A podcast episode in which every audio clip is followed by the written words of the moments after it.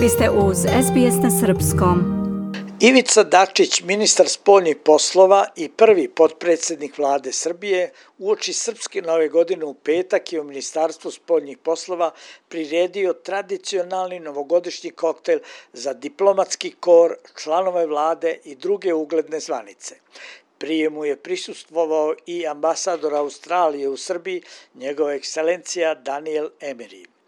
Prijemu su prisustvovali i diplomate brojnih zemalja u Srbiji, među kojima i ambasador Sjedinjenih američkih država, Rusije, Francuske, Nemačke, Italije, Irana, Turske, Japana, Švedske, Belgije, Češke, Velike Britanije, kao i šef delegacije Evropske unije u Srbiji.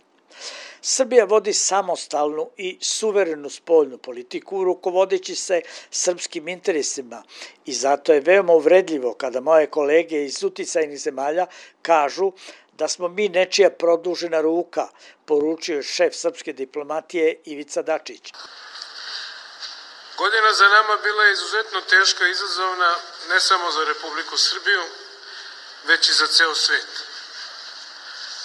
Obeležili su je tragični sukobi i razaranja uz ogromnu ljudsku patnju i žrtve, kao i problemi energetske bezbednosti, nestašice hrane i finansijske nestabilnosti.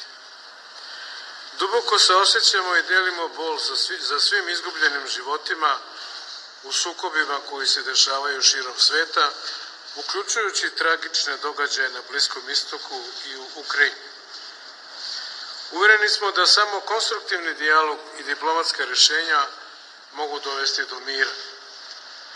Svi sukobi se rešavaju za pregovaračkim stolom i za to ne postoji alternativa. Iskreno se nadam da će ova godina biti uvod u novo poglavlje. Poglavlje u kojem ćemo uspeti da obnovimo međusobno poverenje i postignemo veće razumevanje i solidarnost stvarajući perspektive za sigurniju i bolju budućnost. Koristim ovu priliku da ponovim da je punopravno članstvo u Evropskoj uniji strateško opredeljenje i prioritet spoljne politike Republike Srbije. Stoga ćemo nastaviti da sprovodimo sveobuhvatne reforme, pre svega u cilju daljeg ekonomskog i socijalnog napretka, a na dobrobit građana naše zemlje.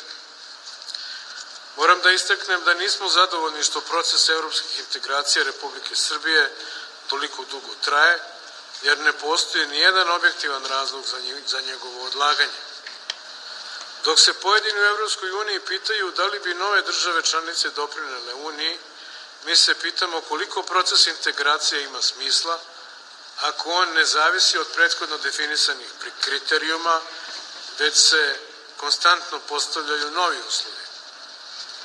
Zato se iskreno nadam da će u ovoj 2024. godini biti prepoznati, ali i na adekvatan način vrednovani brojni rezultati koje smo ostvarili u proteklom periodu.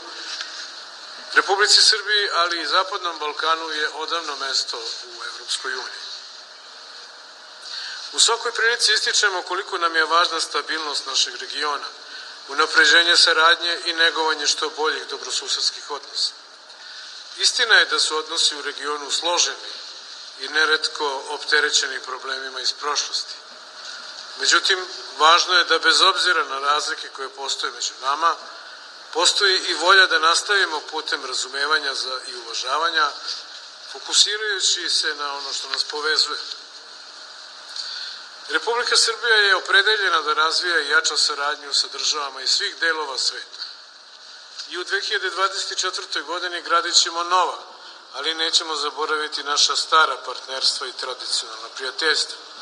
Želimo kao i do sada da unapređujemo svestrane bilateralne odnose sa najvažnijim akterima međunarodne politike, Sjednjim američkim državama, Rusijom i Kinom, kao i sa evropskim partnerima. Posebno me raduje što Republika Srbija uspešno podiže nivo odnosa sa prijateljskim državama u Africi, Aziji i Latinskoj Americi. Želimo da istorijska bliskost i obostrano poštovanje naših naroda budu čvrst temelj za našu saradnju u budućnosti.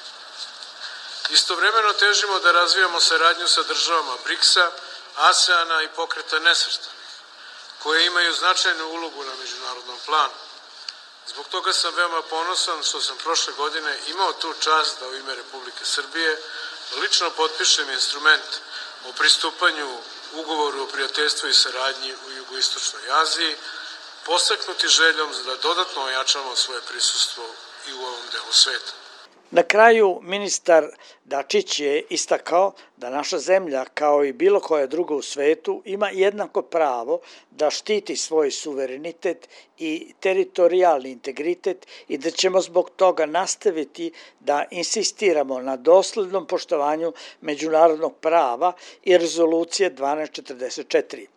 Zahvalio je svima koji podržavaju napore Srbije za očuvanje teritorijalnog integriteta, što, kako je rekao, ostaje najvažniji prioritet na kojem će se predano raditi i u 2024. godini. Iz Beograda za SBS Hranislav Nikolić. Želite da čujete još priča poput ove? Slušajte nas na Apple Podcast, Google Podcast, Spotify ili odakle god slušate podcast.